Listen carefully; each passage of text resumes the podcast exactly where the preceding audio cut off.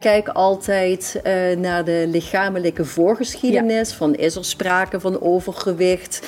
Is er sprake van, van een hoge bloeddruk of van een hoog cholesterol mm -hmm. en dergelijke? Uh, als huisartsen die informatie niet meegeven, ga ik dat ook zelf actief uh, opvragen. Ja. Wordt dat vaak al meegegeven of eigenlijk vaak ook niet door de huisarts? Ik vind dat er op dit moment vaak heel weinig informatie ja. nog uh, wordt meegegeven. Ja. En dan specifiek wordt verwegen vanwege psychische klachten. Ja. Maar ik wil graag dat totaalbeeld. Precies. Leuk dat je luistert naar de Healthy You, Happy You podcast. Ik ben Noor, koolhydraatarm diëtist, voedingswetenschapper en oprichter van leefstijlpraktijk The Nourishing State. Met mijn podcast neem ik je mee in de wondere wereld van koolhydraatarme voeding en een gezonde leefstijl. Ik laat je zien dat het echt niet ingewikkeld hoeft te zijn en samen met mijn gasten motiveer ik je om die volgende stap te zetten. Stap voor stap naar een gezonde leefstijl waar jij blij van wordt. Mijn naam is uh, Misha Celis. Ik ben opgeleid uh, tot psychiater. Woon en werk uh, in Maastricht met man, drie kinderen en een hond. En heel erg geïnteresseerd in, in leefstijlpsychiatrie, mm -hmm. waar voeding natuurlijk een belangrijk onderdeel van, van is. Ja. En dat hoor je niet vaak. Psychiatrie, voeding, leefstijl, dat is ook waar wij vandaag over gepraat hebben. Juist om die bruggen te slaan en die, die combinatie te gaan maken, die samenwerking aan te gaan. Hoe is dat voor jou ontstaan? Of hoe is überhaupt, waarom ben je psychiatrie gaan studeren? Ik was al in het eerste jaar uh, van mijn studie geneeskunde gefascineerd door het brein. Terwijl mm -hmm. ik eigenlijk uh, de ambitie had om huisarts te yeah. worden. Maar nadat het brein mij gegrepen had, ben ik eigenlijk dat pad gaan bewandelen. Mm -hmm. Ik heb altijd heel integraal naar dat brein gekeken. Ik ben ook begonnen in de neurologie. Ik heb ook veel somatische ervaring opgedaan. En heb heel erg geworsteld met, moet ik nu de kant van de neurologie mm -hmm. op of de kant van de psychiatrie. En heb ook gevraagd van zou ik eventueel beide opleidingen oh, kunnen doen. Oké, lekker ambitieus. En toen kwam ik uh, in aanraking met mijn latere opleider uh, Jim van Os, hoogleraar psychiatrie, toen ja. tijd uh, in Maastricht. En die gaf aan, nou de keuze voor psychiatrie is eigenlijk een verstandigere, omdat je daarmee veel makkelijker de brug kan, kan slaan naar het lichamelijke mm -hmm. aspect van de psychiatrie. Terwijl in de neurologie al zoveel somatisch werk is dat er relatief weinig aandacht zal zijn voor de gedragsmatige kant. Ja. En in, de, uh, in die opleiding uh, heb ik eigenlijk heel veel interesses van mezelf uh, ja, kunnen terugvinden. Mm. Maar helaas kwam ik er natuurlijk achter dat uh, ja, in de westerse en in de Nederlandse gezondheidszorg lichaam en geest in het systeem en in de financiering gescheiden zijn. Mm -hmm. Dus je hebt de ziekenhuizen, daar werken ook een beperkt aantal psychiaters.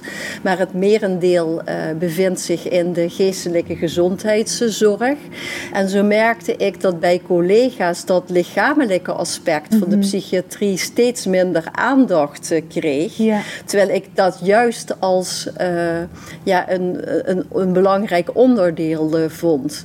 En nou ja, los van hoe het vak zich ontwikkelde, ben mm -hmm. ik er zelf eigenlijk aandacht uh, voor blijven ja. houden. Want heb je het idee dat zich dat wel ontwikkelt? Dat er wel steeds meer aandacht ook komt voor het lichaam binnen de psychiatrie? Of blijft het eigenlijk heel erg gescheiden? Het is in de praktijk nog ja. heel erg gescheiden. Ja. En dat zal ook uh, te maken hebben met hoe de zorg nu georganiseerd is en hoe ja. de zorg nu gefinancierd is. Maar binnen de beroepsgroep heb je natuurlijk mensen die daar uh, ja, vanuit persoonlijke interesse wel mee bezig zijn. Mm -hmm. En ook andere artsen of paramedici die die interesse hebben. Dus ik vind, merk wel dat met name leefstijl, geneeskunde in het algemeen steeds meer op de kaart uh, komt te staan. Ja, en dat er natuurlijk echt wel een beweging in gaande is. En dat ja. dus ook dan de psyche en de mentale klachten in meegenomen ja. wordt. Je zegt ook van oké, okay, ik heb daar een, een, persoonlijke interesse ook voor gehad, altijd al. Hoe is dat ontstaan? Hoe is dat gekomen? Ik ben een heel leergierig iemand altijd eh, geweest. Uh, ik kon ook goed leren. En behalve die academische kant um, ben ik, uh, ja, heb, heb, ik het altijd belangrijk gevonden om me ook integraal te mm -hmm. ontwikkelen, mezelf te blijven uitdagen. En zo ben ik ook al vanaf mijn zestiende jaar met, met, met yoga en met mindfulness in aanraking gekomen, waardoor ik ook een enorme practice heb ontwikkeld. En dan uh, is yoga, is er ook veel aandacht voor het functioneren van het zenuwstelsel. -hmm. En ik vond dat echt van toegevoegde waarde ook in mijn werk als psychiater. Ja.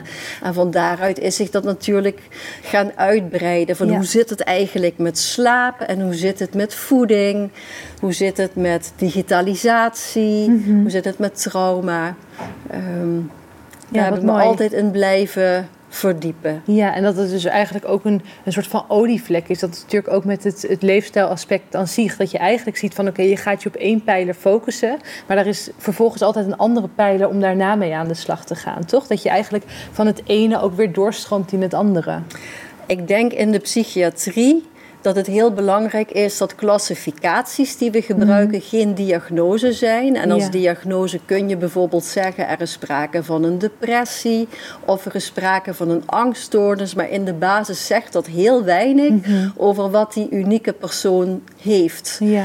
En dat je uh, ook heel erg de plank mis kunt slaan als je niet een integrale diagnose mm -hmm. opstelt, waarbij je uh, ook de psychologische factoren en ook de sociale factoren ja. meeneemt. Dat is vrij gangbaar, maar nog niet om ook een stukje leefstijl en zingeving uh, ja. mee te nemen. Dat, dat probeer ik zelf wel ook altijd te doen. Ik merk ook dat je dan in aanraking komt met collega's die soortgelijke interesses ja. hebben en die daar ook mee bezig zijn. En van daaruit hoop ik natuurlijk dat dat vakgebied zich ook gaat mm -hmm. ont, ja, verder gaat uh, ontwikkelen. Ja, ja, want hoe doe jij dat? Hoe maak je leefstijl onderdeel van jouw begeleiding of van jouw behandeling? Dus op het moment dat iemand bij mij in de spreekkamer mm -hmm. komt met klachten, probeer ik integraal in beperkte tijd een beeld ja. van iemand te vormen. Ja. Van wat zijn uh, de psychische klachten natuurlijk waar iemand mee komt, maar ook welke uh, lichamelijke factoren spelen mee in uh, misschien de kwetsbaarheid die mensen hebben om klachten te krijgen. Maar ook uh, welke luxerende factoren spelen mee of waarom klappen mensen niet op hè, door behandeling. Dus wat onderhoudt het? Daar de persoonlijkheid ook in mee te nemen, ook de ontwikkeling en, en, en trauma. Ja.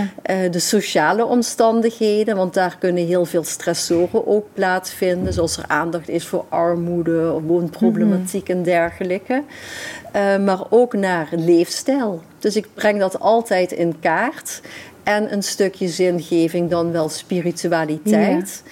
Dus ik kijk altijd hoe is het slaappatroon, hoe is het bewegingspatroon, voeding, ontspanning, ja. relaties, zingeving. Om dan te begrijpen iemand in zijn geheel. Ja. En ik denk eigenlijk dat de somatiek daarvan kan leren. Mm -hmm. Kijk, natuurlijk een gebroken been, dat is een vrij materialistisch ja. Ja. probleem.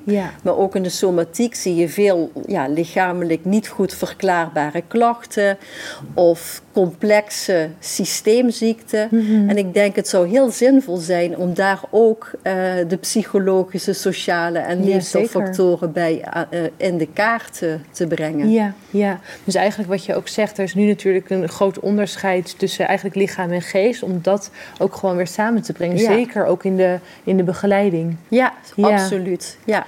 Want merk jij dat als jij het over leefstijl gaat hebben, over voeding, slaap, zingeving, hoe, hoe reageren patiënten daarop? Staan die daarvoor open? Is er, vaak, is er soms weerstand? Hoe ervaar jij dat? Ik begin altijd met een open blik om iemand ja. zo goed mogelijk te begrijpen. En dan merk je dat het wel. Hè, dus mensen vinden het natuurlijk ook belangrijk om goed onderzocht te ja. worden. Um, en ik merk dat verschillende mensen er verschillend naar kijken. Dus sommigen denken ja, zijn zich helemaal nog niet bewust van een relatie tussen lichamelijke en geestelijke factoren. Mm. En sommige, voor sommige mensen is het ook een eye-opener. Maar het is natuurlijk ook uh, wel het eerste begin om daar ook bewustzijn in te creëren dat er in ieder geval relaties zijn ja. tussen elkaar. Ja. En wat ik heel belangrijk vind, ehm, en dat vind ik vervolgens iets wat je op maat moet maken, mm. dus niet wat je in het algemeen kunt stellen, maar doen we er goed aan om medicatie voor te schrijven als we niet eerst bijvoorbeeld iemand activeren om uit bed te komen. Mm. Dus in theorie hè, zijn er patiënten die vanwege depressiviteit hun bed niet meer uitkomen, mm-hmm. maar dan ja, zal medicatie ze ook niet uit bed krijgen. Terwijl door een stukje activering je natuurlijk ook het brein activeert, mhm. waardoor de stemming ook weer kan verbeteren, maar ook medicatie weer beter zijn werk kan doen. Dus je moet er veel in. Ik vind dat je dat integraal moet. Uh, ja. benaderen. En dan natuurlijk heb je patiënten bij wie op een bepaald moment de eerste stap ook behandeling met medicatie mhm. is vanwege crisis of vanwege uh, een ernstig toestandsbeeld. Mhm. Juist ook om weer leefstijlverandering mogelijk uh, te maken. Maar dus wat eigenlijk ook wel heel duidelijk doorklinkt, is dat het vooral gaat om de persoonlijke aanpak. Ja. Toch? En dat we eigenlijk steeds meer af gaan stappen van oké, dit is de, de algemene richtlijn en we zouden iedereen op deze manier moeten behandelen. En dat we veel meer gaan kijken wie hebben we voor ons, wat speelt er, ons zo goed mogelijk in de situatie kunnen inleven. Omdat het dan ook denk ik veel duidelijker wordt van oké, waar valt in ieder geval de eerste winst te behalen? Welke stappen kan iemand gaan zetten? Nou, wat goed dat je dat zegt. Want mm. ik denk vanuit de wetenschap en vanuit het voedingscentrum gaat het over het gemiddelde ja, ik weet het. Uh, voedingspatroon, wat dan voor iedereen gezond zou moeten zijn. Ehm, maar het is natuurlijk heel erg belangrijk uh, om te kijken naar die unieke persoon. Mm -hmm. en dat heb ik ook weer geleerd van de, de Oosterse geneeskunde, uh, ook de yoga-wetenschappen. Mm en de, de Ayurvedische traditie, hè, die veel verder teruggaan dan het wetenschappelijke eh, beeld dat we hier in het Westen hebben, die zeggen juist het tegenovergestelde van ieder, iedere natuur is uniek, iedereen heeft een uniek lichaam, een uniek brein. Ja. En daar past ook een uniek voedingspatroon bij, waarbij het niet alleen maar gaat over wat je eet, mhm. maar ook wanneer en in welke toestand. Ja. Dus daar ook een veel meer integrale blik hebben. Dus ik denk dat hetzelfde dezelfde voeding mhm. bij verschillende mensen zowel een positief als een negatief effect kan hebben. en dat probeer je natuurlijk in relatie ja. te onderzoeken. Ja, ja, en enerzijds, want het is interessant dat je dat zegt. Enerzijds is er al fysiologisch gezien een ander effect. Want dat weten we ook als we bijvoorbeeld kijken naar iemands bloedsuiker. De een zal veel heftiger reageren op koffie bijvoorbeeld dan dat een ander dat doet. Maar waar wij het ook al eerder over hadden, het gaat natuurlijk ook om de beleving eromheen. Dus als iemand zoveel stress ervaart van een bepaalde maaltijd of een bepaalde uitzondering, nou, dat kunnen we eigenlijk ook wel weer fysiologisch zien, want de cortisol, het stresshormoon schiet natuurlijk omhoog. Maar ook gewoon inderdaad de hele beleving, hoe iemand daarna de rest van zijn dag doorloopt, wat voor emoties en gevoelens iemand daarbij heeft. Dus dat, ja, weet je, wat je zegt, het is inderdaad zo dat dezelfde voeding niet op iedereen hetzelfde effect heeft. Ja, en we denken vaak dat een bepaald voedingsmiddel dat dat objectief is of dat mhm. bepaald gedrag objectief goed of fout is, omdat het heel feitelijk is. Maar als je dieper gaat kijken, is het veel complexer. En wat denk ik een onderliggende factor is, is bepaald, wordt bepaalde voeding gegeten of wordt bepaald gedrag vertoond vanuit angst ja. of vanuit liefde voor jezelf. Mhm.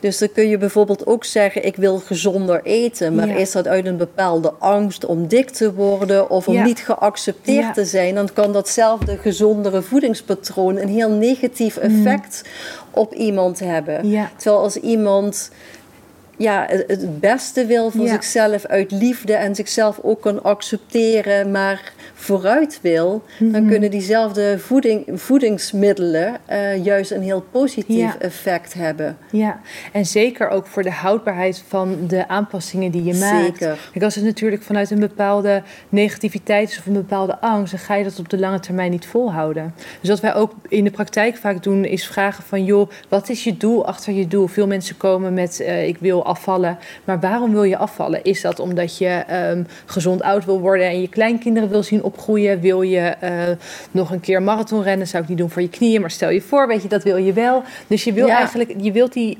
best wel negatieve, dat negatieve doel eigenlijk omvormen naar een positief doel. Want dan begin je ook al inderdaad vanuit een hele andere flow natuurlijk aan die leefstijlverandering. En ik denk dat die positieve, liefdevolle leefstijlverandering ook begint met accepteren waar je nu bent. Ja, absoluut. Dus als mensen bij mij in de spreekkamer komen, dat betekent natuurlijk dat ze vastlopen. Ja. En vaak ook met ziekte. En bij een psychiater ook vaak ernstig op het moment dat ik dan ga zeggen, je leeft niet gezond, je eet niet gezond, dan komt er eigenlijk nog een stressor Ja, bij. Want vaak weten me, heel veel mensen zijn zich daar bewust Mm. van, maar het lukt niet om verandering te bewerkstelligen. En ik probeer dan ook eh, de toon van compassie aan te slaan, door mensen terug te geven van, je hebt het optimaal gedaan met het lichaam en het brein waarmee je geboren bent in relatie tot jouw levensomstandigheden en in relatie tot de context waarbinnen je leeft. Alleen nu loop je vast, maar dat is ook een mooi moment. Dat is niet comfortabel, maar wel ook een mooi moment om een stap vooruit te gaan Ja. zetten. Ja. En ik ga dat samen met jou doen. Want ik wil natuurlijk ook eerst de druk wat van de ketel halen. Mensen komen in crisis met stress, blokkeren. Relatie met jou aan te gaan, vertrouwen te winnen. En dan samen met jou te onderzoeken Mhm. hoe het zich allemaal ja, in, jou tot elkaar verhoudt. Mhm. En waar winst te behalen is. En er is altijd groei mogelijk. Ja. Er is altijd winst te behalen. Maar niet in één keer een wonder of Nee. in één keer een grote stap. Ja. En dan creëer je faalervaringen. Dat is natuurlijk vaak waarom mensen gaan blokkeren. Mhm. Terwijl dan een kleine stap en dat vaak herhalen. Ja.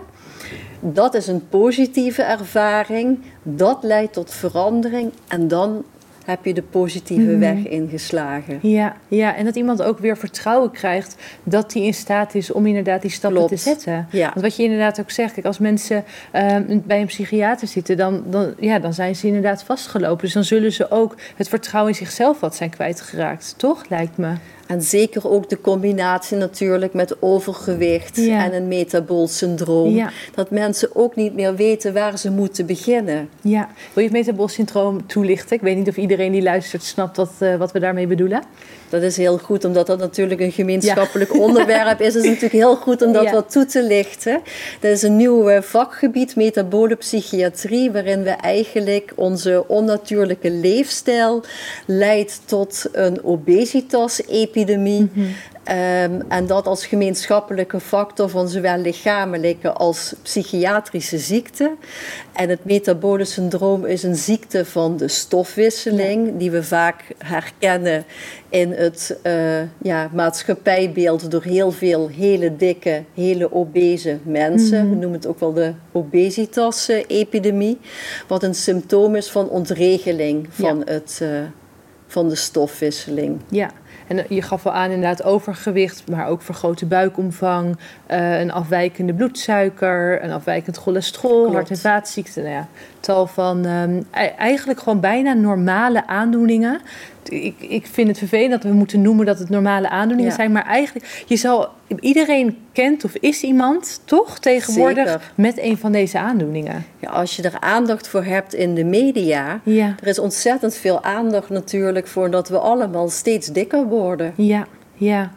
En het metabool syndroom verhoudt zich dus ook heel erg tot de eh, mentale klachten en de mentale Ja. gezondheid. Hoe, ehm, ja, wat doe jij met het metabool syndroom in de spreekkamer? Hoe evalueer je dat of hoe breng je dat in kaart? Dus ik neem dat mee bij de, bij de eh, somatische factoren. Ja. Ik kijk altijd eh, naar de lichamelijke voorgeschiedenis. Van is er sprake van overgewicht? Is er sprake van, van een hoge bloeddruk of van een hoog cholesterol Mhm. en dergelijke? Eh, als huisartsen die informatie niet meegeven, ga ik dat ook zelf actief opvragen. Ja. Wordt dat vaak al meegegeven of eigenlijk vaak ook niet door de huisarts? Ik vind dat er op dit moment vaak heel weinig informatie nog uh, wordt meegegeven. En dan specifiek wordt verwegen vanwege psychische klachten. Maar ik wil graag dat totaalbeeld. Precies, ja. Dus als ik daar achteraan ga, dan vraag ik altijd uh, de medische en de voorgeschiedenis op, een actueel bloedonderzoek en actueel medicatiegebruik. Verder natuurlijk een goed gesprek met iemand, hè, waarbij je ook klachten, actuele klachten uitvraagt en eventueel een lichamelijk onderzoek. Ja. Dus ik wil daar echt wel weer aandacht voor vragen dat we in de psychiatrie mhm. juist aandacht moeten hebben voor het lichamelijke aspect. Ja, ja, en dat is wat natuurlijk ook wat we vandaag op het congres gedaan hebben. Dat we ook juist die brug willen slaan tussen psychiatrie en diëtetiek. Ja. Dat er ook echt een samenwerking ontstaat van ja, hoe kun je dat, hoe kun je de cliënt centraal stellen of de patiënt. En dus ook daadwerkelijk die, die leefstijlverandering teweeg brengen. Want jij doet dat nu dus deels zelf, hè? Ja. Tijdens je consult. Heb je, daar, heb je daar genoeg tijd voor? Hoe, hoe pak je dat op? Ik heb natuurlijk beperkte tijd, maar ik werk nu wel op plekken waar ik meer ruimte heb hmm. om, uh, om patiënten te zien. Maar je ja, ik probeer eigenlijk in beperkte tijd een, een, toch een, een globaal, integraal beeld van mhm. mensen te hebben. En ja, de kunst is ook niet om alles in één keer te willen veranderen. Nee, ook niet voor de patiënt natuurlijk, want dan wordt het heel erg overwhelming. Precies. En dan op indicatie gaan we daar verder mee. Altijd hmm. ook een overleg met uh, patiënten. Ja.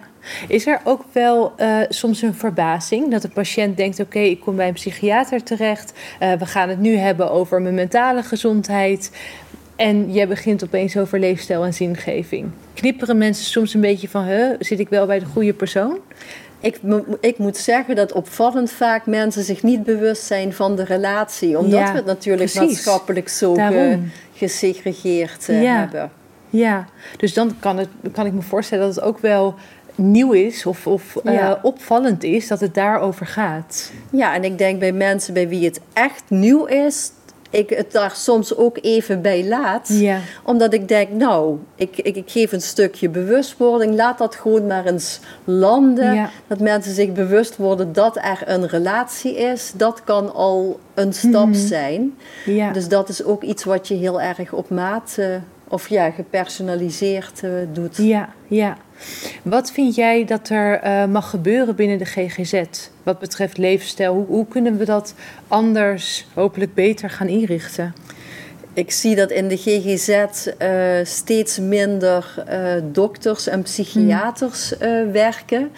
Um, waardoor ook het, het uh, lichamelijke aspect minder aandacht krijgt. Mm. En ik wil um, ja, heel graag dat er multidisciplinair behandeld wordt. Dat is tegenwoordig wel zo, maar ja. dat daar uh, door psychiaters en artsen ook aandacht is voor de somatiek. Dus niet dat je psychiater wordt omdat je het lichamelijke juist niet zo leuk vindt, ja. maar juist omdat je ook met de somatiek aan de slag wil gaan. En ja, wat dit betreft natuurlijk uh, samenwerken met een diëtist. Dus ik vind echt dat in de geestelijke gezondheidszorg een diëtist onderdeel moet zijn van het multidisciplinaire team. Mhm. En natuurlijk ook met medisch specialisten een netwerkje ontwikkelen van een endocrinoloog, een ja, gynaecoloog. Die uh, interesse hebben om uh, het verschil ook te kunnen maken bij patiënten. Ja, zeker. Omdat je dan natuurlijk ook, je, je kan zoveel meer. Want nu is het eigenlijk toch, toch ja, wat meer ieders op zijn op eigen eilandje. Terwijl dat je ziet, als je juist die samenwerking aangaat, dan wordt het veel makkelijker. Eén, je hoeft niet alles zelf te doen. Want dat is ook wel vaak de vraag die ik krijg, of die ik ook vaak zeker van huisartsen hoor. Of de opmerking van, joh, wij hebben daar allemaal geen tijd voor. Maar dat hoeft ook niet. Weet je, je hoeft daar ook niet allemaal tijd voor te hebben. Maar ga dan eens na van, oké, hoe kan ik mijn netwerk zo uitbreiden? Of hoe kan ik dus inderdaad dat multidisciplinaire team opstellen, zodat ik dat uit handen kan geven. Maar dat je wel weet dat er naar gekeken wordt. Want we ook gewoon weten uit onderzoeken, die metabole gezondheid die staat in lijn met onze metabole of, of met onze mentale gezondheid. Dus ja, dat we daar iets mee gaan doen, dat is wel heel belangrijk. Ja, en zo, zo werken we ook samen met een psychomotorentherapeut, Ja. regulier, of met een yogatherapeut buiten de reguliere gezondheidszorg. Omdat er winst is te behalen op stressregulatie, op het gebied van ademhaling of lichaamsbewustzijn. Zo is een diëtiste belangrijk, maar het kan ook weer een fysiotherapeut zijn die van toegevoegde waarde Ja, is. zeker. Dus ook weer heel erg kijken naar deze persoon en wie kan Ja, helpen in relatie om iemand een stap vooruit Mhm. te brengen. Ja. ja, want wat er dan natuurlijk eigenlijk gebeurt vanuit een multidisciplinair team, je hebt verschillende tools eigenlijk in je, in je toolkit zitten. En je kan afhankelijk van de persoon die je voor je hebt en die dus bepaalde behoeftes heeft en bepaalde ondersteuning nodig heeft, eigenlijk kijken van oké, welke tools en welke mensen en welke eh, professionals ga ik in dit geval inzetten. Ja. En kan, moet dat individueel Ja. of moet, kan dat in een groep? Ja, Of kan, heeft iemand, eh, is er iemand ook uit iemands eigen netwerk die een rol kan spelen? Mhm. ja dat is natuurlijk ook mooi Dus ik dat vind dat, hè, van is er ook bijvoorbeeld een partner die steunt dat Ja. jij gezonder wil gaan leven? Of is dat juist degene die altijd met het ongezonde eten binnenkomt? Dus betrek ook vooral iemands eigen systeem Mhm. hierin. Want juist door de context gezonder te maken en betrokken, dat is wat het verschil kan, eh, Ja. kan maken. Ja, zeker op de lange termijn, denk ik. Ja. Kijk, enerzijds, want als je eh, gemotiveerd bent en je, je start met iets nieuws, dan kun je daar natuurlijk ook weer nou ja, je, je positieve energie uitputten. Maar ik denk zeker op de lange termijn, als je een mindere dag hebt, zeker als er natuurlijk mentale klachten spelen, dan is het juist zo fijn om een vangnet te hebben en iemand die zegt, joh, ik heb gezond voor ons gekookt, dit gaan we gewoon even lekker opeten, komt wel goed. In plaats van dat het de andere kant op gaat. Ik denk altijd dat behandeling iets tijdelijks moet zijn, Ja. waarbij mensen die het niet meer zelf lukt om te begrijpen wat er aan de hand is en waar de verandering mogelijk is, in zorg te nemen Ja. en ergens doorheen te helpen. Ehm, maar inderdaad, dat moet ook weer een einde hebben. En dan moeten mensen zelf met hun eigen systeem verder. Waarom betrekken we deze mensen niet eerder ook in dat eh, traject? Ja, doe jij dat dan ook bij de begeleiding? Dat je ook partners en het, een beetje de sociale, het sociale netwerk erbij betrekt? Ja, op indicatie. Hè? Ja, Dus ik kan niet ja. bij iedereen altijd met het systeem Nee, ook eh, samenwerken. Maar als ik denk dat dat van toegevoegde waarde is, ook weer, eh, Mm. Ook weer wel. Ja. dus eigenlijk is dat ook denk ik de grote take-home message. Enerzijds dus de samenwerking psychiatrie, diëtetiek. Anderzijds de cliënt of de patiënt is, ehm, staat centraal. Ja. En de persoonlijke aanpak is gewoon heel erg belangrijk. Persoonlijke aanpak. Ja, ja. mooi. Heb jij nog als iemand luistert en denkt, joh, ik, ik heb inderdaad last van mentale klachten, daar worstel ik mee. Ik wil, nou ja, ben nu wel geïnspireerd om wat met mijn voeding te gaan doen. Wat zou jij als eerste advies geven? Ik denk eerst de positieve benadering, Ja. dat je het optimaal hebt gedaan. Ja. En dat je blokkeert of klachten krijgt, wel iets is om aandacht voor Mhm. te hebben. Omdat je lichaam op een hele wijze manier dat Ja, communiceert en daar aandacht voor vraagt. En, en zoek dan hulp. ja, ja. Dus zeker ook juist dat stukje voeding en leefstijl wel onder begeleiding doen. Absoluut. Ja. ja. Ben je klaar om in actie te komen? Top! Toch wat twijfels of vragen? Je hoeft het niet alleen te doen. Plan via onze website www.thenursingstate.com een vrijblijvend kennismakingsgesprek in. Dan denken we persoonlijk met je mee of een koolhydraatarme leefstijl ook bij jou past. Tot slot wil ik je om een kleine gunst vragen. Wil je de Healthy You, Happy You podcast beoordelen op Spotify of Apple Podcast? Dan kan ik nog meer mensen helpen naar een healthy, happy leven. Dankjewel en tot de volgende keer.